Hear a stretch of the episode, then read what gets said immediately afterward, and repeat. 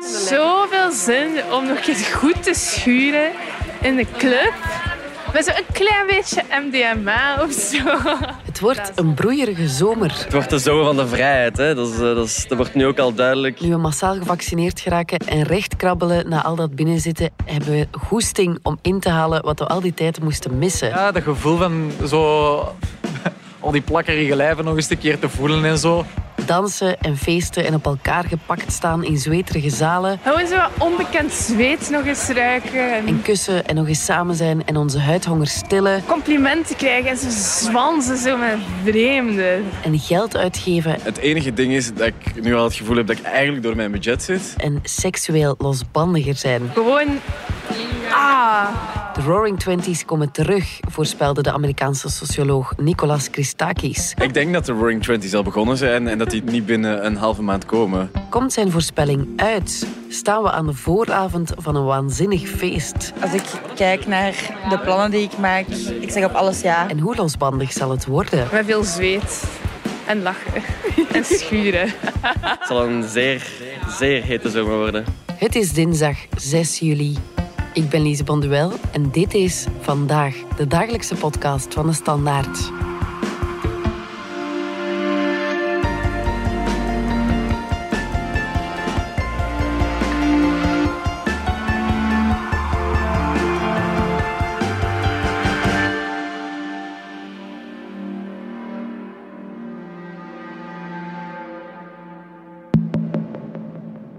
Carlien Bekkers, cultuurjournalist van de Standaard. Jij bent voor een eh, reportage voor de krant naar Leuven getrokken om daar eens de temperatuur op te meten. Klopt dat? Hangt er iets in de lucht? Ja, ik denk wel dat er absoluut iets leeft. Er was een heel erg uitgelaten sfeer op de Oude Markt in Leuven. Alle cafeetjes zaten vol, maar ook daarnaast de trappen meer richting het einde van de Oude Markt. Dat zat vol met mensen. Iedereen was eigenlijk aan het feesten, is misschien een groot woord, maar er ging echt zo'n heel erg gemoedelijke sfeer. Het was ook de voetbal die avond. En ja, ik had wel een beetje het gevoel van iedereen volgde de voetbal wel, maar het was ook een beetje een excuus om nog eens allemaal samen te kunnen komen Ja. en zo'n beetje ja, samen iets te beleven eigenlijk. Ja. En wat viel er vooral op?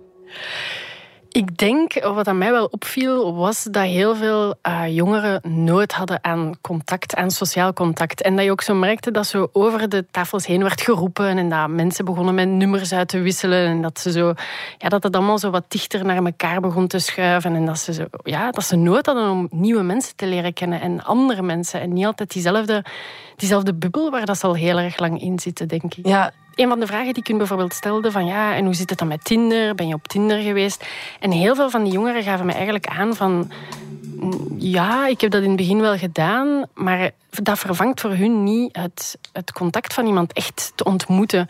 En dus heel veel van die jongeren kwamen er eigenlijk van terug en die zeiden van oké, dat is leuk en in het begin gaat dat wel, maar ik wil iemand leren kennen op een fuif, ik wil iemand ja, op de vloer van een vakbar leren kennen. En ik wil daar zo een eerste contact mee hebben. En in een grote massa staan. En oogcontact met iemand maken. En de volgende dag sms'jes sturen.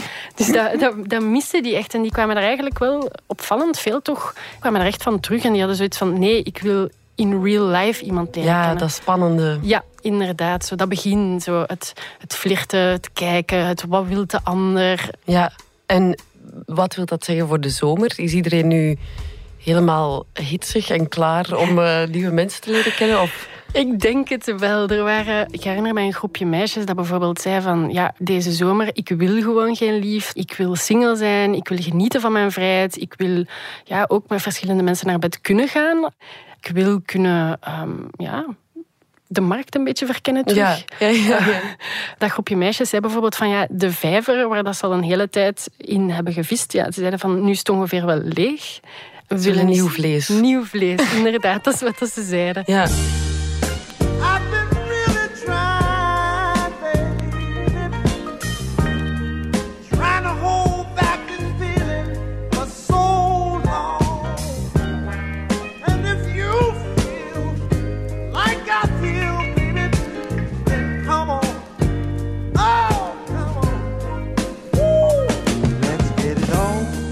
Leeft dat idee vooral bij jongeren? Van dit wordt mijn zomer, laat het maar komen? Ik denk dat dat bij verschillende leeftijdsgroepen wel speelt. Ik merk dat ook bij mijn eigen vrienden. Ik ben in de dertig, dus ik merk dat daar ook bij. Maar ik denk dat het verschil is met jongeren, is dat het voor heel veel van die studenten bijvoorbeeld... Ja, dat zijn heel veel eerste keren. Als je op kot gaat, dat is het moment dat je... Ja, eerste echt serieuze relatie. Eerste keer thuis, niet meer moeten alles gaan uitleggen. Heel veel vrijheid, heel veel dingen die dat je voor de eerste keer meemaakt. En ik denk dat dat is wat dat ze zo hebben gemist. Heel veel van die jongeren hebben, een, hebben hun eerste keren nog niet allemaal meegemaakt. En ik denk dat ze er daardoor nog extra naar uitkijken. Verschillende studenten zeiden mij ook van... Ik uh, kwam naar Leuven, ik ging studeren, ik zit hier een half jaar en opeens is heel het land in lockdown. Ja, die hebben hun, die hebben hun studententijd nog niet gehad en ik denk dat het wel klopt. Als je zegt van studententijd is een van de mooiste tijden van je leven, ik denk dat dat ook wel zo is. Ja, en we trekken natuurlijk graag parallellen met de Roaring Twenties. Maar wat houdt dat dan juist in? Literatuurcriticus Matthijs de Ridder, jij schreef al vaker over die zeer opwindende periode. Kan je voor ons eens kaderen wat dat juist inhoudt, die Roaring Twenties? Wat was dat? Wat was die sfeer? Wat gebeurde daar toen? De Roaring Twenties, de stormachtige jaren twintig, die volgen op de Eerste Wereldoorlog. En die Eerste Wereldoorlog wordt heel vaak gezien als een heel groot breukmoment in de geschiedenis. En er zijn zelfs historici die zeggen dat de 19e eeuw die duurt tot 1914 en dan breekt die Eerste Wereldoorlog uit. En er zijn heel veel mensen die op dat moment beseffen van, ah ja, er is nu echt wel iets anders aan de hand. En die wereld die ontploft met een hele grote knal. En na de Eerste Wereldoorlog is het voor heel veel mensen heel duidelijk dat het anders moet. Ja. En ja, die eerste jaren na de Eerste Wereldoorlog is natuurlijk vooral nog bedoeld om, om de wereld weer een beetje op te bouwen, een beetje op te krabbelen uit de grote chaos. En dan krijg je in de, in de loop van de jaren twintig ja, overal ter wereld eigenlijk, eh, zeker bij kunstenaars en zeker bij mensen die op een gegeven moment weer een beetje geld hebben, krijg je het idee dat, dat er geen grenzen meer zijn. En die beginnen allemaal ja, uh, nieuwe kunstvormen uit te proberen, maar ook gewoon in het sociale leven. Is dat uh, de tijd van enorme feesten met veel drank, met nieuwe muziek. Het lijkt niet op te kunnen in dat decennium. Ja. En welke muziek was er op dat moment nieuw? Nieuwe muziek is jazz. De allereerste jazzoptredens die zijn van ja, de vroege jaren twintig. Die jazzmuziek is uh, natuurlijk meteen, slaat meteen aan, maar het slaat eigenlijk meteen aan als muziek waarop je op een heel andere manier kan dansen. En daarvoor was het allemaal ballroom muziek, dus klassieke muziek eigenlijk, waar je uh, rustig op danste met voorspelbare passen. En dan komt de jazz eraan en dan krijg je allemaal rare dansen als uh, de one-step, de two-step, de foxtrot en dat soort van dansen. En uh, ja, die, die zien er anders uit. Die zijn wilder. En mensen die denken dat het einde van de wereld in zicht is, die zien daar ook allerlei losbandige dingen in. Hè. Ze, ze, vergelijken het al heel snel met, met seks en nog veel erger. En, nog veel erger? ja, ja. Moord bijvoorbeeld. Nee, dat zijn prachtige beschrijvingen van wat jazz met de mens zou doen dat gaat van het totale losbandigheid, het totaal uh, verlies van alles wat met moreel te maken heeft, tot ja, echt ontsporing van wat het is om mens te zijn. En dat heeft ook allerlei racistische achtergronden, want die muziek die komt natuurlijk via allerlei omwegen. Komt het voor een deel uit Afrika. En uh, op het moment dat uh, ja, moraalridders die jazz voor het eerst horen, dan denken ze ook echt dat het gedaan is met uh, de westerse traditie bijvoorbeeld. Hè. Mm -hmm. Daar moest nog heel veel uitgevonden worden en heel veel weer opnieuw geïnstalleerd worden. Maar uit dat gebrek komt natuurlijk wel echt uh, ja, heel wat creatieve krachten komen daar ook uit naar voren. Want je krijgt ja, schilders en, en andere mensen die hun wereld aan het vormgeven zijn, die doen dat met hele andere middelen dan daarvoor. Dus die, als je normaal gesproken een schilderij zou voorstellen van de wereld en voorafgaand aan de Eerste Wereldoorlog, dan is dat heel vaak min of meer realistisch. Mm -hmm. Maar na de Eerste Wereldoorlog ja, is het abstracte, de abstracte kunst komt naar voren. En je krijgt schilders als uh, Otto Dix en Georg Kroos. Die gaan de wereld heel erg afschilderen zoals zij die zien. Dus al die mankementen in die wereld die worden ook in die schilderijen uh, verbeeld. Mm -hmm. En dus van, vanuit dat gebrek krijg je eigenlijk de, de viering van het leven, maar wel de viering van het leven waarvan mensen al hebben gezien dat het eh, totaal kan ontsporen. Mhm. En ja, als je dan verder naar, de, naar het einde van de jaren twintig gaat, ja, dan krijg je die beelden die we eigenlijk al heel vaak in films hebben gezien ook. Hè? E- enorme uitbundige feesten. De term die daar heel vaak bij wordt gebruikt is, is dansen op de vulkaan. En dus eh, mensen weten dat die wereld waarin ze leven, dat die, die is al een keer kapot gegaan. Maar ze weten ook, dat kan nog een keer gebeuren. Ja. Dus mensen zijn heel erg onvoorzichtig. En die onvoorzichtigheid, ja, die brengt natuurlijk tijdelijk heel veel kansen met zich mee. Want als je nergens op hoeft te letten, dan kan dus ook gelijk alles. Ja. En wordt er dan ook heel veel geëxperimenteerd? Zijn er andere vormen van relaties of, of werd er veel losbandiger eh, omgegaan dan daarvoor? Ja, zeker. Je krijgt, eh, ja, het is ook wel eens eh, vergeleken met de late jaren zestig, waarin je echt die, de vrije liefde wordt gepropageerd. Waar je ook hele groepen krijgt die er bijna een nieuwe religie van maken. Hè? Dus die vrije liefde, dat is, dan, dat is eigenlijk hoe het hoort. Het, het, is, het is raar om je vast te leggen, om je eh, trouw te zweren aan één iemand. Die liefde moet eigenlijk gedeeld worden met zoveel mogelijk mensen. Ja. Daar komen mensen natuurlijk in de jaren 70 en, en 80 ook wel weer van terug, want er zijn allerlei eh, redenen om het wel te doen. Nou ja, dat heb je ook in de jaren 20. Er komt ook nog eens een keer bij dat eh, ja, in die jaren 20 ook ja, drugs was, die waren eigenlijk nog niet zo, zo'n probleem. Heel, veel van die drugs die wordt pas in dat decennium verboden. Dus Ah. cocaïne bijvoorbeeld, heroïne, eh, wordt pas in de loop van de jaren 20 op heel veel plekken in de wereld eh, wordt dat verboden. Eh, en, en aanvankelijk is, is dat dus gewoon overal. En mensen die gebruiken heel wat verdovende middelen in. eh, en als het dan wordt verboden, en dat, ook in, eh, in Amerika is het wel een interessant gegeven dat juist de jaren twintig, dus de periode waarin eh, Amerika wordt drooggelegd, dus Mhm. eh, drank is verboden. Ja, en als je dat doet in, een- in zo'n periode, dan weet je wat er gebeurt. En dan gaat iedereen juist heel veel drinken. Ja. Maar dat moet dan wel in het geniep. Hè? Dus eh, in Amerika krijg je eh, nou ja, officiële clubs en die, eh, die worden gecontroleerd. Dus daar, daar is geen drank te krijgen. Maar dan krijg je een enorm levendige scene met eh, zogenaamde speakeasies. Hè? Dus eh, ja, lokaaltjes achteraf die zogenaamd niet bestaan. Waar je alleen maar binnen kunt komen met een speciale klop op de deur. Mhm. Eh, en daar blijkt dan echt alles voorradig te zijn. En dat geeft ook weer heel veel gelegenheid aan allerlei soorten van georganiseerde misdaad. Dus alle romantische beelden die we hebben van eh ja, mafiosi zoals eh El Capone en zo, hè, die eh, ja. ook allemaal uit de jaren twintig. Mm. Want was het zo'n romantische periode of romantiseren we dat? Wij romantis- romantiseren dat nu heel erg. En zo romantisch was het dus niet. er zijn, eh, nee. Dus er zijn heel veel, ja, er zijn ongetwijfeld geweldige dingen gebeurd. Maar ik denk niet dat we moeten vergeten dat het eh, voor een heel groot deel uit een heel groot gebrek is geboren. Ja. En dus op het moment dat er eh, bepaalde groepen, maar dat zijn echt kleine delen van de maatschappij, bepaalde groepen heel erg van gaan profiteren. Ja. En dus die, die echt heel erg losgeslagen leven, die eh, inderdaad kunnen experimenteren met van alles. Dat zijn natuurlijk de happy few. Hè.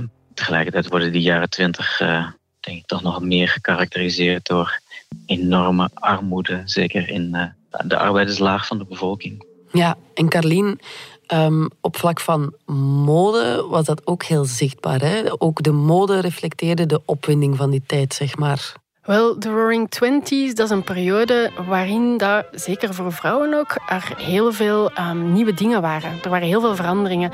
Tijdens Wereldoorlog 1 werden ze dan eigenlijk een soort van, ja, verplicht is misschien een groot woord, maar moesten zij van alle taken van mannen overnemen. En dat smaakte daarna wel naar meer. Die hadden zoiets van, ah, dit is eigenlijk leuk, ik wil ook kunnen werken, ik wil ook kunnen autorijden, ik wil kunnen roken, ik wil kunnen dansen, ik wil kunnen uitgaan.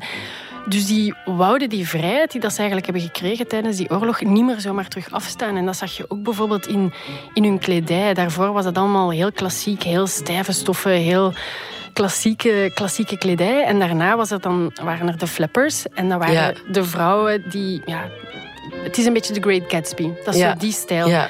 Dus zo losse jurken, maar ook heel licht van stof. Dus je kon er eigenlijk veel meer dan daarvoor erdoor zien. Dus dat was aan de ene kant heel sensueel. Aan de andere kant was het ook heel erg wel geïnspireerd op, op bewegingsvrijheid, op wat dat mannen droegen bijvoorbeeld. Ze hadden ook BH's die dat hun borsten meer plat drukten, omdat ze Ah, meer ja. eigenlijk een soort van mannelijk profiel wouden. In het Frans noem je ze ook de garçons. Dus dat was echt wel geïnspireerd op zo'n idee van wij willen ook dingen die mannen ook kunnen. Wij willen kunnen, ja, wij willen kunnen uitgaan en we willen ook verschillende partners hebben. En hun haren natuurlijk, de bob, dat kwam toen Komt ook van toen. Ja, inderdaad. En dat was eigenlijk ook een beetje omdat ze ja, niet als een man wouden kleden, maar zo het soort van de parallel kunnen trekken. Zo van, wij kunnen dat ook allemaal. Wij willen ook... Ja, we willen ook onze vrijheid, we willen er ook van kunnen genieten. En jazz was natuurlijk ook heel belangrijk in die tijd. Kunnen uitgaan en al die jurken die dan ja, heel erg zwierig waren. En daar konden ze mee swingen en dansen en zo. Dus dat was echt... Ja, in de mode zag je heel erg ook op dat moment de tijdsgeest. Dat was een moment van loslaten en het mag terug en we gaan het er ook echt van nemen. We gaan niet meer voorzichtig zijn. We willen nu gewoon... Ja, we willen van het leven profiteren en we willen niet voorzichtig zijn. We willen niet meer de regels van vroeger. We willen gewoon genieten van het hier en het nu. Ja. Het woord flapper komt ook. Nu, er zijn altijd verschillende verklaringen bij zo'n woord, maar dat zou van het Engelse woord voor een, een, een soort van jeugdige prostituee komen. Dus dat, dat was ook wel echt iets wat dat, wat dat ook met een beetje argwaan werd gezien door bepaalde groepen. Maar ehm, ja, dat was wel een periode dat vrouwen ook zoiets hadden van... Ja, misschien wil ik niet mijn hele leven met die ene man. Uh, misschien hoef ik ook niet direct te trouwen. Misschien kan ik wel gewoon ja, nu een beetje vrij zijn en, en, Ja. en, en rondkijken, om het zo te Ja, zeggen. ja. Dus, en ja. het er is van pakken. Ja, En inderdaad. welke gelijkenissen zijn er dan met nu? Ik denk dat die gelijkenissen op verschillende vlakken lopen. Ik denk dat je ten eerste dat het feit dat je uit een moeilijke periode komt, waar dat er voor heel veel mensen minder mogelijk was, onzekerheid, en daarna dan dat je terug vrij bent, dat er van alles kan. Ik denk dat dat de grote gelijkenis is. En ik Ja. denk dat dat ook is waarom dat die gelijkenis wordt getrokken, omdat er mag opeens terug wel wat meer. Oké, het gaat nog niet een zomer zijn helemaal zoals, zoals voor corona. Maar tegelijkertijd, het feit dat een festival als Pukkelpop kan doorgaan, dat is waanzinnig. Dat is ook iets wat heel veel van die studenten zeiden van... Pukkelpop, eh, zoveel mensen samen, allemaal zonder mondmaskers, dansen en, en nieuwe mensen leren kennen. Ja. Voor heel veel mensen en ook niet alleen voor jongeren er mag weer terug wat meer. Je mag terug een beetje meer leven, je mag terug buiten komen, je kan op reis gaan, je kan vrienden terugzien.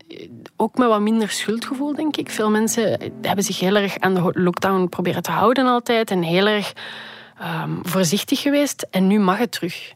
Ik denk dat voor veel mensen bijvoorbeeld het idee van hey, simpelweg in de zomer een, een barbecue, Ja. iets wat dan niet gepland is, en gewoon kunnen zeggen van oké, ehm, we nodigen tien mensen uit en, en we gaan in de tuin barbecuen. Ik denk dat dat voor veel mensen wel echt een plezier is.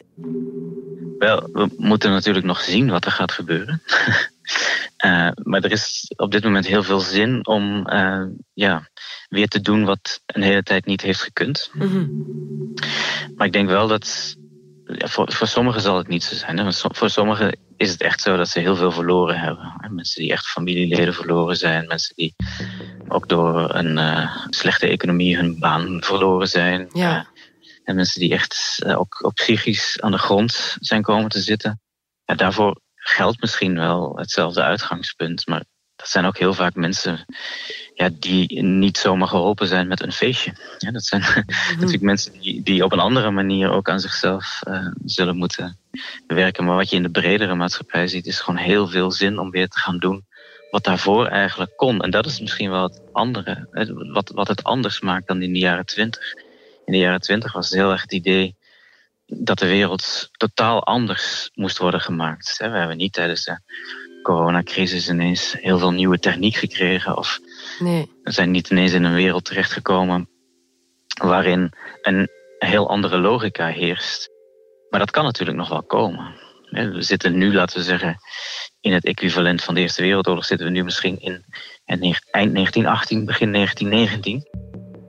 En eh, ja, ik, ik zei al, die, de echte jaren 20, de jaren 20 zoals we die ons voorstellen, dat zijn eigenlijk het einde van de jaren 20. Dus daar moeten we misschien nog op wachten. En ja, het zou zomaar kunnen hè, dat er nog eh, ook echt artistieke en politieke ideeën opkomen die eh, nog verder uitgewerkt zullen worden. Waardoor we ineens wel in een situatie zitten waarin het niet alleen weer leuker wordt, maar eh, waarin mensen ook op een andere manier gaan nadenken en dus ja, ook wat ingrijpender wordt, al die, al, al die zin om te gaan feesten. Mhm.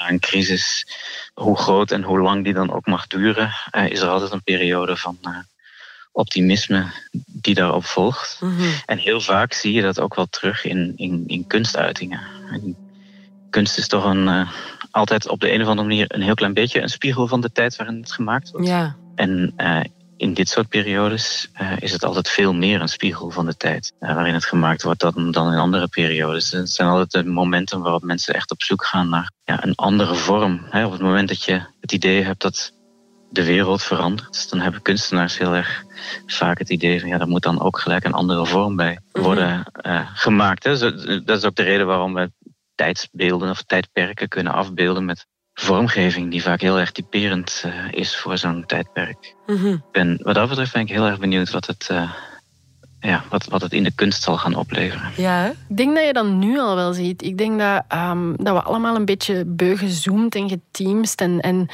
optredens online. Ik denk dat we dat wel een beetje beu zijn. Aan de andere kant ehm, zie je ook wel dat artiesten daar proberen om daar heel creatief mee om te gaan. In de eerste lockdown ben ik bijvoorbeeld naar een film gaan kijken van Eefje de Visser, van haar nieuwe album. ja prachtig hè? Ja, voilà. Ik vraag me af van, ja, moest het geen lockdown zijn geweest, had ze daar dan de tijd en, en de energie in gestoken om zo één film te maken? Dat zijn wel heel toffe projecten waar dat je ziet dat mensen creatief omgaan Ja. met de lockdown. En je ziet dat ook zelfs bij, bij ja, minder creatieve mensen, om het zo te zeggen, dat ehm, verjaardagsfeesten, huwelijken, dat mensen andere manieren vonden om samen momenten te, mee te maken. Dat, dat, we op zoek gingen, dat we op zoek gingen naar een nieuwe manier om samen dingen te kunnen beleven, zonder dat we de klassieke, we gaan allemaal samen feesten. Ja, om daar toch een soort van gevoel van verbondenheid te creëren. Ja.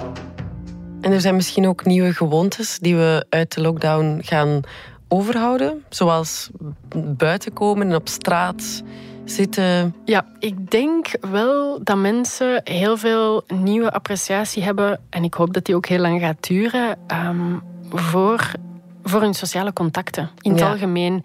Ik denk zowel voor hun vrienden als voor hun familie. Maar ook hun, buren bijvoorbeeld. Ik weet nog, mijn grootmoeder eh, komt ook uit Leuven en die ging vroeger voor haar huis, in, in, dat was een arbeiderswijk, dan zaten er vrouwen voor in huis aardappelen te schillen bijvoorbeeld. Ja. En dan praten die met elkaar en die deden hun klapje. En dat, was, dat was heel typisch. Ik heb dat nooit zelf gezien. Tot nu, tijdens de lockdown, merkte ik dat er mensen inderdaad, en jongere mensen, met twee stoeltjes voor hun, hun huis gingen zitten en dat er dan vrienden langskwamen en van op afstand dag kwamen zeggen en dat er ook veel meer contact was, naar mijn gevoel, toch met buren. Ja. Dus ik denk dat mensen wel veel meer... ehm, ja, dat ze veel meer terug beseffen hoe belangrijk dat voor hun is. Ja. En dat ze dat wel... Ja, dat ze dat wel meenemen. Ik denk dat iedereen, als je vraagt wat dat mensen hebben gemist, dan gaat dat toch ook vooral, denk ik. Ik ken veel minder mensen die zeggen: Oh, ik vind dat zo erg dat ik niet ben kunnen gaan shoppen. Wat dat mensen zeggen is: Ja. Ah, ik wil met mijn vrienden afspreken. Ik wil mijn familie op een heel, allee, heel de familie nog eens samen hebben. Het gaat vaak over, over die andere mensen die dat je altijd van op afstand moest zien. Veel meer dan dat het gaat over. Ik kon dit of dit niet kopen. Ehm, dat ging over. Ik wil met andere mensen in contact kunnen staan. Dus Ja. ik denk dat we dat er wel aan gaan overhouden. Ja, we gaan onze appreciatie, onze appreciatie gaat, gaat groter worden voor wat we eigenlijk daarvoor al kenden. Ja, ik denk het wel. En mensen hebben denk ik enorm veel zin om nog eens te feesten. Dat is, eh, dat is iets wat mij toch heel erg opvalt. Ik zat vorige week zaterdag bijvoorbeeld nog op Flagey in Brussel, het Ja. Flageyplein. En dat was ook waanzinnig, die sfeer daar. Dat was een- heel klein stukje gras. En rond het gras stonden allemaal mensen. En op het gras zaten mensen. En mensen begonnen spontaan te dansen. Iets wat ik denk dat je voor de lockdown veel minder... op een gewone zaterdagavond... dat mensen in een park allemaal beginnen te dansen. De discotheken mogen niet open, de cafés nog wel wel. Maar mensen hebben zo'n nood aan dat soort van samen dingen vieren... dat ze het dan maar gewoon op straat doen. Mhm. Ik stel voor dat we dat gewoon allemaal zelf ook gaan doen. Oké, dat is goed. Carlien Bekkers, bedankt. Dankjewel. En ook heel veel dank aan Matthijs de Ridder. Heel graag.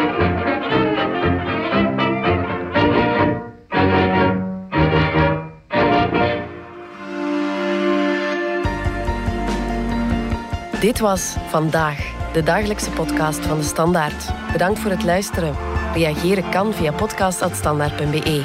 Alle credits vindt u op standaard.be-podcast. Morgen zijn we er opnieuw.